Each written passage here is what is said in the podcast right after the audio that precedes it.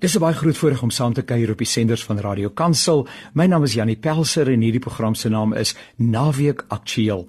En is altyd 'n baie baie groot voorreg om saam met te gesels. Ai, en daar's soveel dinge wat gebeur in Suid-Afrika, nê? Nee? Daar's altyd een of ander onderwerp wat relevant is en waaroor ons lekker lekker kan kuier. En vandag wil ek saam met 'n paar geleerde vriende kuier oor die hele tema van diversiteit kan ek maar die woordjie gebruik andersheid. Ons is bietjie anders as mekaar, nê? Nee.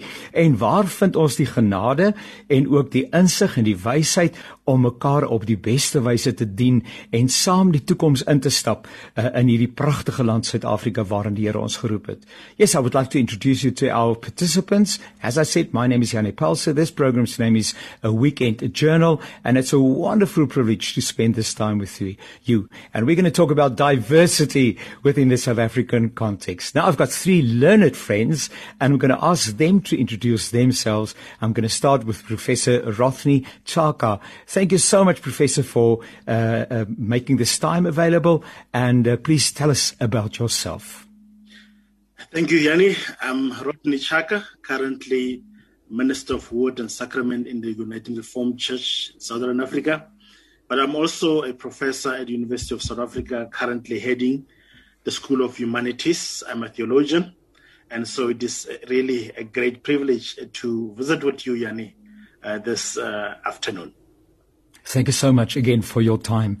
En dan vir my baie groot voorreg om uh, ons het al in die verlede gesels en dit is altyd lekker om met die skoner geslag te kuier. Uh, uh Dr Tanya van Wyk. Tanya, welcome and please tell us about yourself.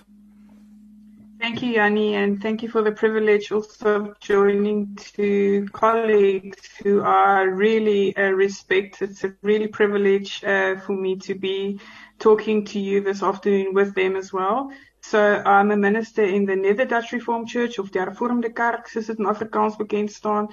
And I'm also a theologian and I'm a senior lecturer at the Faculty of Theology and Religion at the University of Pretoria, teaching systematic theology, Christian ethics and Christian spirituality.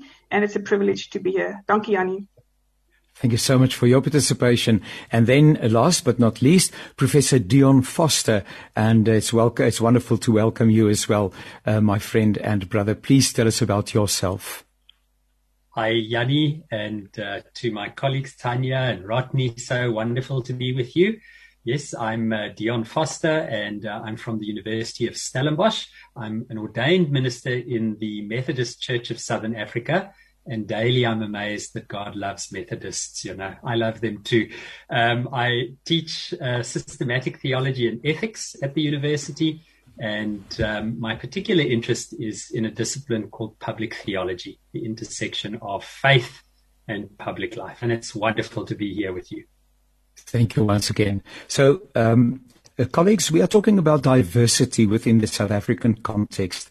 Can we just start by clearing and clarifying what we are talking about uh, because people are listening and I have in my mind a certain uh, in, uh, uh, uh content. Uh, but when we talk about diversity within the South African context, exactly what are we talking about? And just how diverse are we uh, in terms of uh, where we live and the, the, challenge that we face in that regard. And I'm going to invite you. It's an open discussion, so please just don't wait on one another. But I feel that Tanya is really uh, looking forward to starting this program. So Tanya, please tell us about uh, where are we standing, and please unmute yourself and stay alive the whole time, uh, colleagues.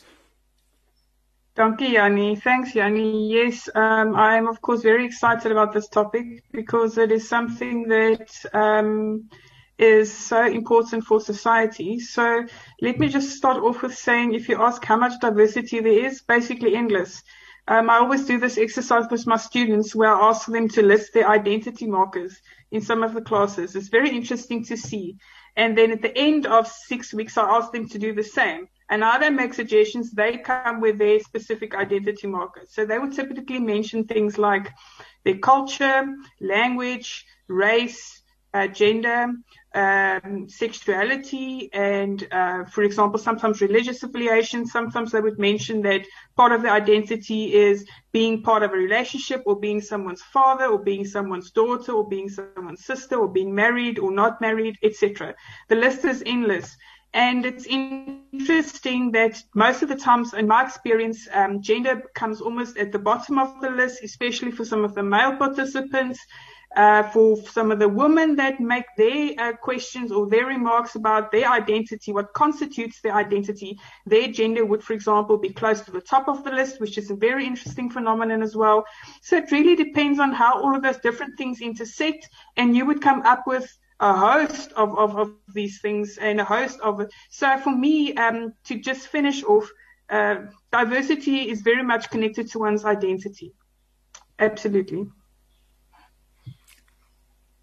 Yeah, I, I, think there are very interesting things that Tanya is saying, and I would also align myself with that. That diversity, you know, mean quite a number of things. But I think from what we've also heard from her, there is quite clearly a list. There's a hierarchy uh, in that. And and so if if we are to actualize diversity, if we are to to to really respect it, it is important that we acknowledge uh, the power dynamics also within that list.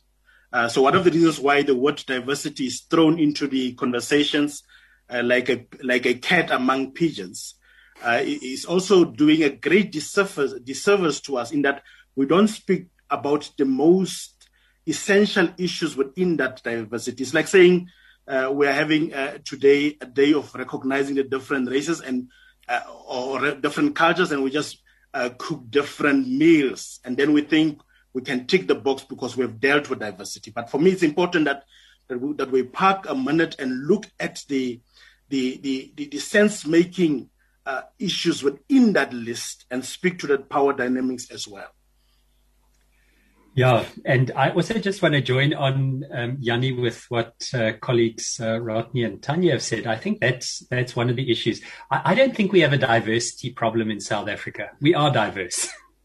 I think that what we have is we have an inability to recognize the humanness of each other and our history and the ways in which we've constructed our identities often blind us to who we are and to who others are. And we think, well, I'm the center of the world. I mean, think about some of the language that we use. You know, at our university, we often speak about things such as inclusivity um, and including persons of of uh, a, a, a diverse uh, gender or, or race uh, uh, identity. Now, think about that. In in our context, it's very often white men who are saying, "Well, we occupy the center of the room, so we are the normal." And everyone else is diverse. We we are the center of the world, and everyone else must fit in around us. And I think it's those kinds of uninterrogated power dynamics which which cause us often to fall into conflict with one another. I think I want to venture to say, even Yanni, they cause us to be um, they cause us to be to be bad Christians. You know, we forget that we are called to to live with one another in ways that bring life that celebrate uh, who God has created persons to be, that all of us share aspects of who God is in, in our gender identities, our race identities, our cultural identities. And so sometimes what we do by centering ourselves, I think, is that we actually exclude others. And I think that's a blight upon us, uh, particularly those of us who are Christian.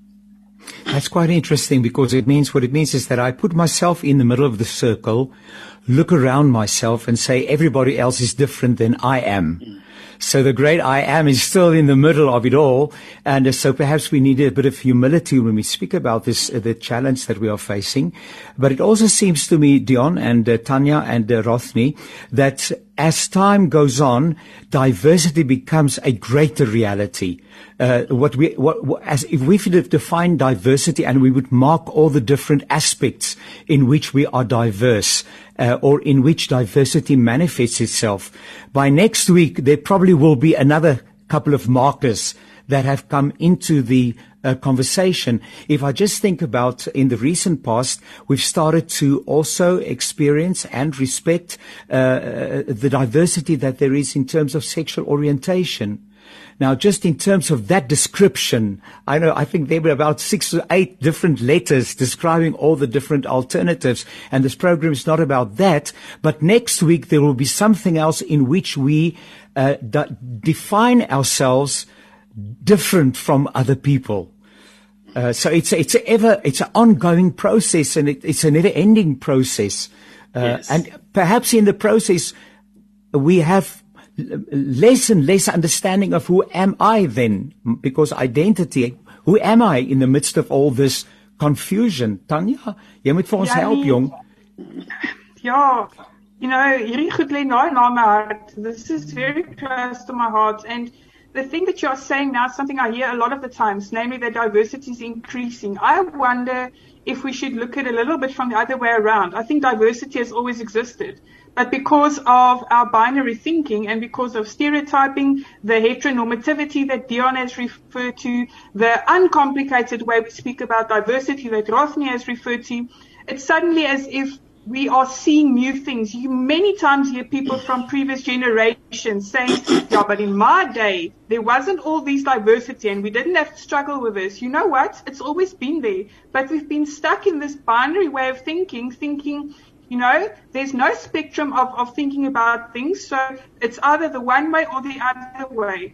And I see many times people fall back on, on the Genesis creation narratives to try and, you know, um, sustain the and woman or night and day. Whereas if you look at the fact, if you want to be, you know, uh, acknowledge what God did uh, uh, in terms of that creation narrative, it would mean that God also created midday, also created twilight, also created sunset, also created the time just before night, the time just after day. So in other words, you've got already the spectrum. Just because you see God created night and day doesn't mean the spectrum in between doesn't exist. And we've done ourselves a real disservice in not acknowledging this because it's not about we as human beings are creating extra diversity and forcing it upon someone. It's there, but we it's struggle there. to recognize and talk about it. Really, really. You know, Yanni, so, I was, I was, uh, if I, if I may jump in here, uh, a few weeks ago, I was engaged with a few colleagues from Princeton, uh, you know, thinking about the theology of Calvin uh, for a conference that is coming sometime next year. That is now if this COVID thing is going to change.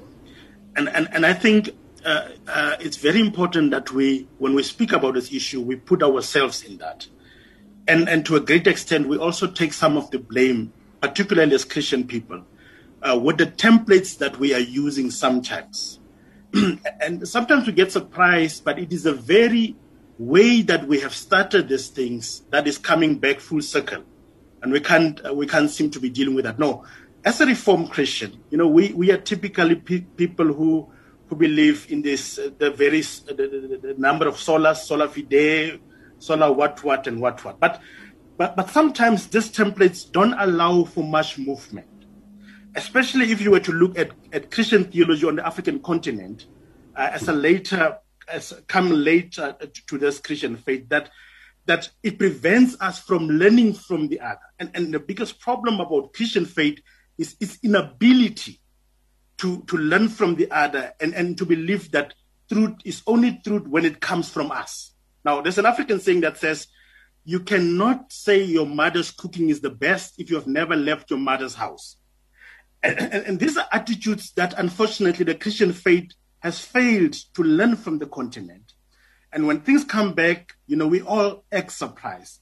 Yet we are the ones with the templates within which we operate create some of these challenges. And so I think we need to put ourselves in there. And that's why I'm saying, as a black reformed Christian, I need to always have have some kind of a, a, a, you know in law you have the fine print that says by virtue of being an academic, a professor, I've got a certain degree of power. So it's not always something that's out there, but by virtue of me being in this position, there's some little power that I have, and we have to use our power to begin to speak to some of these problems because we are part of some of the problems that we are now finding ways to sort of correct.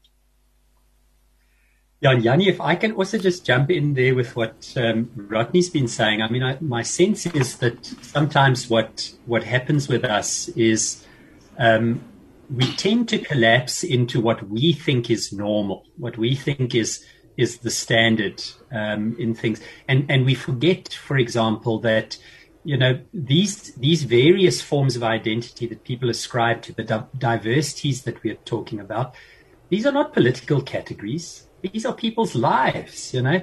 This is how I experience myself in the world and, and how I experience myself in relation to a system that you're unaware of.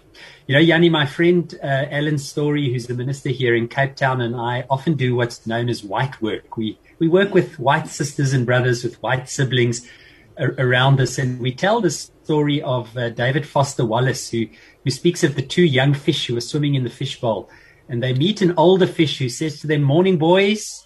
And they say, "Morning, sir," and uh, he says to them, uh, "How's the water today?" And the one says, fine. And they swim on. And two minutes later, the one fish says to the other fish, what's water? Now, this is, is the problem that we often live with. You know, white South Africans, we don't ever have to think what it means to be white. You know, I can work, walk into any shop in South Africa. No one's going to ask me to leave my bag at the door. No shop assistant's going to follow me and say, Hey, are you going to steal something? But when I listen to my black colleagues, my black students, they say even in those spaces, even black shop attendants will come to them and say, leave your bag at the door. So, so these kinds of identity markers are not only things that we have within ourselves, they become institutionalized in our societies. And if we think about this, you know, what kind of South Africa would Jesus want? I don't think Jesus would want a society that's colorblind. I think he would want us to be able to say, black is beautiful. He would want us to be able to say to our daughters, here is a, here is a black Barbie doll for you to play with so that you can see that blackness is beautiful. It needs to be nurtured, appreciated, adored, uh, held onto. That's the kind of society that Jesus wants. But I don't also think Jesus wants us to have the kind of society where we say these different identities cannot in some way relate to one another, sure. cannot find ways to live together in, in peace, in harmony, in justice, in love. I'm so sorry if I'm, I'm jumping in. And, and, Please, sorry, you're welcome. Uh, uh, Tanya, it's just what, what Dion is saying is, is so true. So, so you, you, you have started by saying, let's talk about diversity. And, and I want to take what you said and go back to that. So, so, so, so I think diversity, and if we have a conversation on diversity, we have to start first and foremost by acknowledging that, acknowledging that we are complete people you understand that as a black person, I am a complete person. Mm-hmm. And so is a white person a complete person. And that there should be no questioning of each each one's humanity in that regard. And and I, I like I always like to make this example when I speak of diversity. When we moved our training to Stellenbosch, uh, I met there a professor, uh, Peter Coertzen, who was uh, teaching church polity at the time. Now, now, now, now, for people for people who, who don't know him, I mean, he has been a person that really insists on church law and and defending the NG Kerk and very nice stuff. um, and and I I had said that if you're going to engage in diversity, you must first know who you are and be quite content in this person, so that no one must give you the impression that you must second guess yourself. Now I'm using it because because the church the church church polity for me made sense because it had a person that strongly could identify as a white person, first and foremost. Whether you like it or not, he was comfortable in that skin, And that for me was the example of you can participate in these conversations, but if you have a sense that you are subhuman or that you're not fully human, then also it's going to defeat the purpose. And that is why I'm saying we have to first affirm each other's total humaneness in my in my department when I was chair of department, I, am making broad strokes, Danny. I'm so sorry, we don't have You're enough welcome. time. But but we started a thing called difficult conversations on race, and my mm-hmm. idea was simply to get a sense of when did you become conscious of race, and I discovered that a number of white folk really this is just an innocent thing. They and, and, and I'm not speaking for them, but but they really did not think it is a big issue until they were they were made aware of how this, the same things mean different things to us. Diversity is acknowledging that what is to you normal might be abnormal to the other, and having a sensitivity to how you relate to that. Tanya, it seems to me that um, the, the, the, the, the topic is relevant or is, uh, uh and people speak about it because it really says something about my understanding of who I am. In other words, if I'm not sure of my own identity, and Rodney said it, if I'm not comfortable in my skin, then I won't be comfortable with other people around me. But the moment I've discovered who I am, and we are all unique, but we're all the same. And we're all the same, but we're all unique because God has created us uh, in His image. In that we are the same. But it seems to me, and I think that uh, uh, perhaps God would have made it so much easier if we were just everybody alike. But He decided uh, some way, for some reason, He decided, guys, you uh, half has not been told you. I'm going to challenge you till the second coming of Jesus Christ, because it seems like God is a God of diversity and he loves to make things I won't say complicated. Tanya, well, hoekom laat die Here vir ons so uitgedaag word, jong? Well, Yanni, you say you say so many things that I actually want to respond to, but let me start the last Please one. Do. I think um, God is not challenging us. Um, it is what it is. Part of our Christian confession is um, actually confessing in a diverse God. I think it's one of the strongest and oldest part of our confessions. Um, uh, that's why I find myself so comfortable in, in uh, you know, uh, talking about it all the time. Namely, that God is a Trinitarian God in which there is no hierarchy and there's definitely no heteronormativity. And there's definitely not, um, in times, unfortunately, that has slipped into our language in terms of our uh, patriarchal language in terms of God being God as a father, and then Jesus sort of is second in command, and here and there, you know, the Holy Spirit comes in. And in a lot of Western art, unfortunately, you see this. The Holy Spirit is not acknowledged as a person. It's a dove or a wind or something like that. Where in other theology, like the Greek um, uh, Orthodox theology, the Holy Spirit is actually acknowledged as a person, part of the table, sitting around the table as equals. We can learn a lot from that type of language. And a lot of the things we are struggling with in our theology is because this uh, heteronormative male white type of um, uh, um, uh, imagery has slipped into our confession of God as a Trinity, which is so far removed from that. It's actually um, uh, tragic to see how that has slipped into our um, whole uh, um, theology. And I think just to respond to one other thing that you said is one must, of course, be comfortable in your own skin. But goodness me, is it difficult to be comfortable in your own skin as a woman? If you sit in meetings and you look at uh, agenda uh, minutes and you hear, oh, it's a woman's logic. That's how these minutes were set up, for example. Or if you are angry or, or dis, dis, you know, uh, differ with colleagues, you know, you're taking stuff too personal. Why are you so emotional about these types of things? I mean, this is serious. And then we're not even getting to the whole issue. If, if I'm comfortable in confessing my faith in a God that is only described in male terms, I mean, these are serious issues we need to confront. So I absolutely agree with being comfortable in your own skin and what Rothney has said about having difficult conversations. But goodness me, we need to do these things. Absolutely. So Dion, uh, do I have to identify my identity? Should I define myself in in in other terms. Uh, in other words, not because the moment that I say, but I am a white South African and I speak Afrikaans, I've already drawn certain uh, boundaries around me uh, unless I find the grace to break through those boundaries. But the moment I identify myself as so and so, I've put myself over and across somebody else. Should we get a common denominator and say, but we're all humans? Uh, with that help or we are all, we're not all Christian, but let's just say that in idealistic society, we're all Christians. Please help us. How, how should we talk about this issue? All of us on this call have, have a friend in common. and it's not yes. only Jesus. this friend of ours, his name is Nico Koopman, and uh, Nico has a wonderful phrase that he says. You know, he often says, "I am, but I am not only." And I think that's a, a wonderful way to think about identity. So what, what Rodney said earlier for me is true. I, I have to make peace with the fact I have to give thanks to God that God has created me as a white English speaking male South African. Uh, this is who I am. And I, I give thanks to God for, for, for the aspects of that which, which give me life. It, this is the only body I have. It's the only history I'll ever live in. And, and so I am that. I am that. I have to make peace with it. I have to learn to love myself, love my body, uh, love how I am in the world. But I am not only that. I am also a person amongst persons.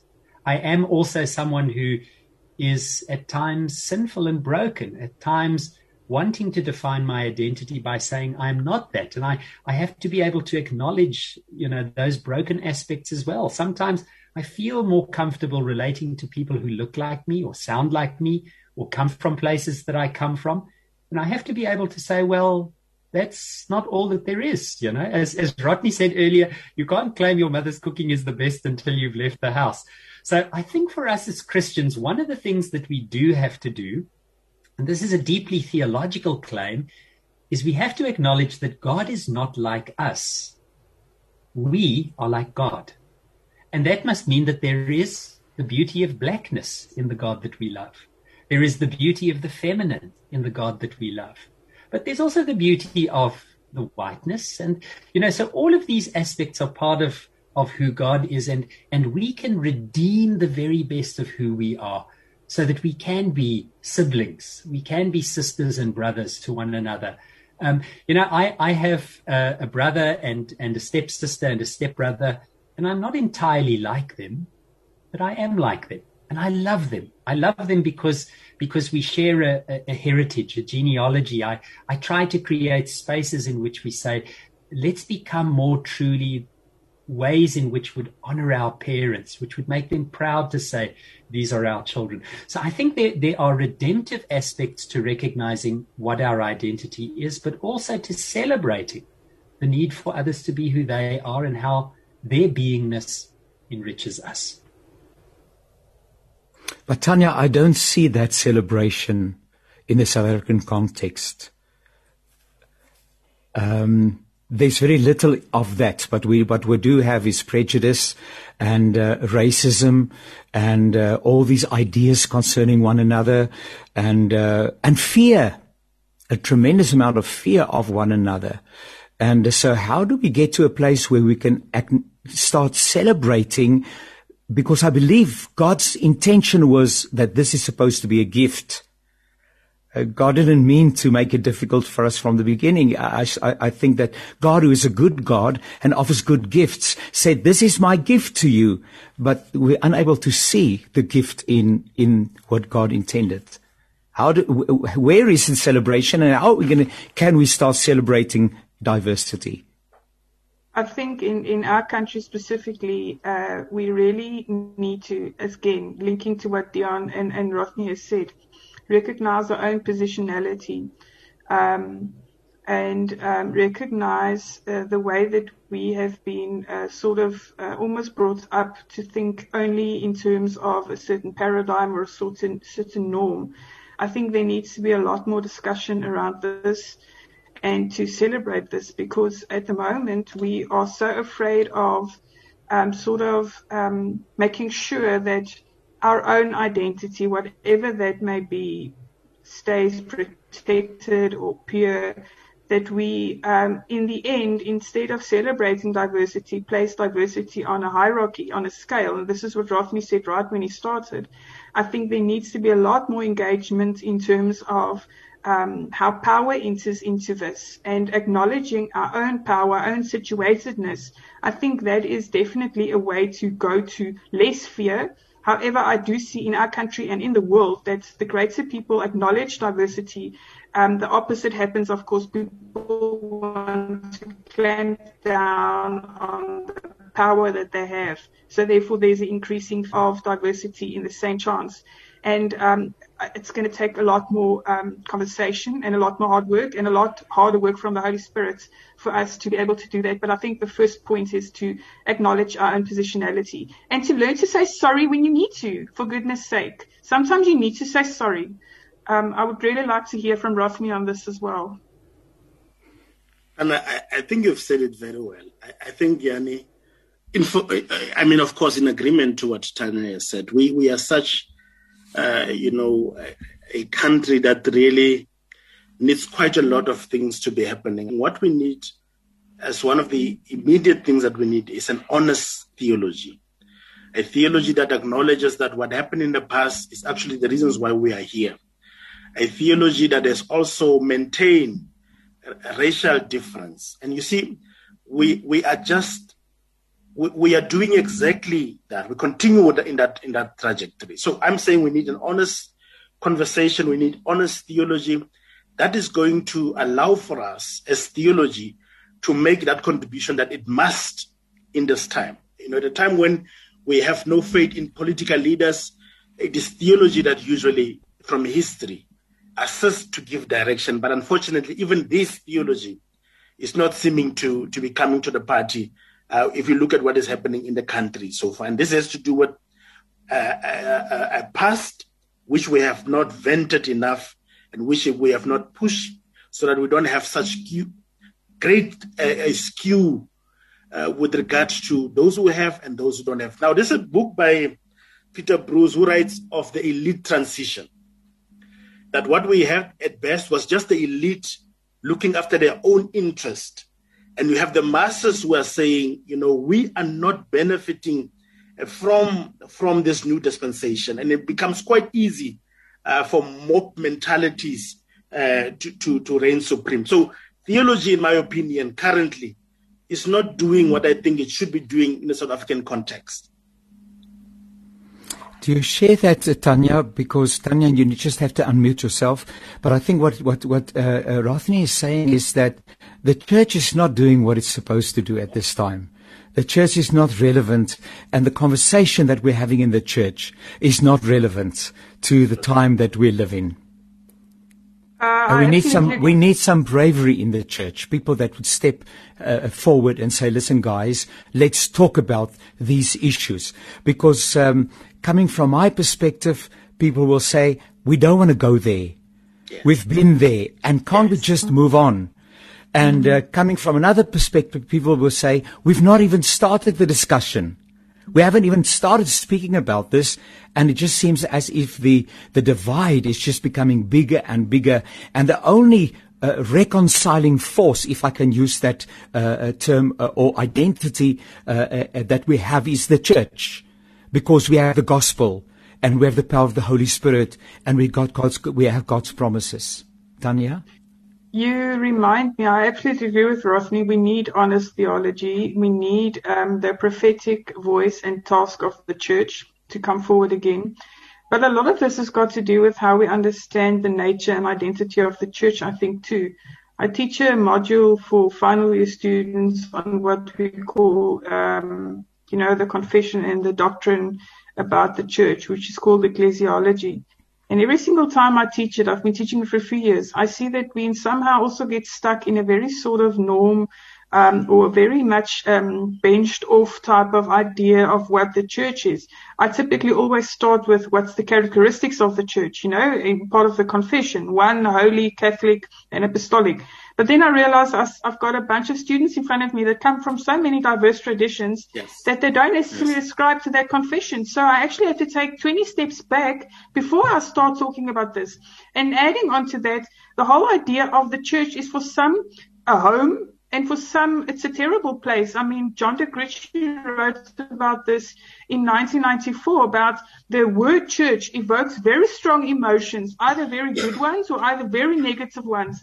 And it's because of the role that the church have played, that the church should be playing. So we need, first of all, to talk about the identity of the church as well, because I think that in itself can become something that's very uh, um, forced upon people in a type of a normative way. And the moment you start talking about, you know, what's the identity of the church, people have got very strong opinions and then they get stuck in a type of institutionalism, which means, but we have to go back to 2000 years of identity, etc., etc., not realizing, but that 2000 years plus is not neutral. History is not neutral. And therefore we must remember also that identity in that regard is also not neutral. It's not something that fell down from the sky in a neat package. And now we can go give this to people and say this is the identity of the church. It went through centuries of development, which a lot of power was involved in it. So we need to seriously talk about that as well before we start talking about the calling of the church. The church in, as it were, needs to I think, uh, reclaim its identity, but also rediscover it in a way, especially in, in a context like ours. And that is very important before we can start tackling and saying the church should do its duty, because the church must do its duty, but who is the church? Sure. Um, we need to talk about that. Sure. Full marks, Tanya. Full marks. I, I totally agree with you on that. And, and, and, and, and that's why I think it's very important that we qualify what we're saying because the very same thing that I might be saying might, of course, sound different on a different ear. Uh, so w- w- when I speak about honest theology in the church, it's only because because I, I want to speak of the church as community. Uh, you know, a community, but a community that must also learn that it has got a particular history of exclusion as well. And, and, and, and women can attest to that. Black people can speak to that. You know, our gay and lesbian brothers and sisters can speak to that. And, and, and to acknowledge its, its mishaps, its mistakes, is merely to, to, to affirm the fact that it is not perfect. And it's a continuous thing. So, so I, I, I'm looking at the church and I'm looking at, at institutions that are still having some trust and credibility. Now, there's a lot of mistakes that we're making in the space of the church. We have got ministers who abuse, you know, and stuff like that. But if you ask people, what is still a trusted institution? It does seem that the community of the of, of, of Christians is still, to a great extent, uh, still trusted. So, what do we do to harness that? So that when we have conversations about difference, it is also acknowledging that we have been part to the hurt that we have created in society as a church, as people of the church. So, so yes, we have to change the language so that it acknowledges also uh, the gaps, the mistakes that that are part of becoming who we really want to as a people. And I think that we in South Africa currently have not harnessed that space enough. And that is why everyone can come and, and, and you know, claim that they're also doing some kind of a theology because theology is doing nothing where it's supposed to be doing something. Well, in closing, uh, Tanya and uh, and uh, thank, thanks to uh, Professor Dion Forster, he already had to take leave. We uh, thank him for his participation. But just in closing, then, uh, if I just think of what we have talked about and what is as what have surfaced uh, in our discussion. Uh, to start with, it seems like I'm not totally sure of who I am, so my identity needs to be defined and redefined. The church isn't sure who he is or she is. That identity has to be rediscovered. Uh, also, the calling has to be redefined, etc.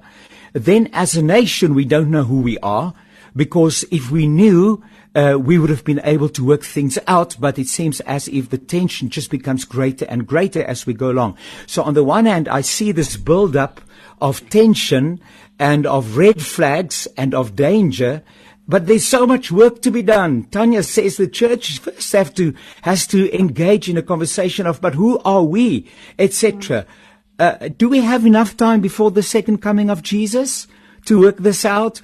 Or will we go into eternity and not have discovered what God's intention was for us uh, in the end? Um, Yanni, if I can just jump in here, I think tension in itself is not a bad thing. Creative tension is extremely important. Creative tension says that we learn to live in the paradox. We learn to live in the differences that does not go up into one another. So in other words, there's no hierarchy of difference and you are not trying to make people either so different that they can never connect with one another or make them all the same. Living in this creative tension is an art and it is something we must learn to live with complexity and paradox. But we are really struggling with that. If we can live with creative tension, tension can be creative. Why should we be afraid of it and say, but it's a bad thing? It's not a bad thing. It's a good thing. From creative tension, a lot of new things are born as as human beings, we've got this wonderful potential, but we are also broken, and that is the prime theological example, I think, of what it means to be what, what the definition of a paradox is. And we carry all that paradoxality, all that multiplicity into the church because, as Rothney has said, the church is also human. Um, so uh, let's embrace the creative tension. Tension is not a bad thing. It's because everyone is afraid of tension that we are stuck where we are. Let's embrace it and do something with it. Well, that's the voice of uh, Dr. Tanya van Wyk, and uh, she is with the University of Pretoria in the Department of Theology. And I do thank you for your participation. Thank you, Tanya. Uh, I've learned a great deal, and I'm sure our listeners as well. Brother Rothney, please, last word from you, and help us to uh, to to sort of tie these the, the, knots. Yes, yes, yes, and, and and I think you know I just wish we had like the whole. I'm very I'm very excited about this conversation. You know, I I am saying it's important that we acknowledge community. Now, it would be very sad for me uh, that we have a community without conversation. The, the way that we're having uh, public conversations today is very problematic. It's very divisive, and it is not helping, you know, to really build this.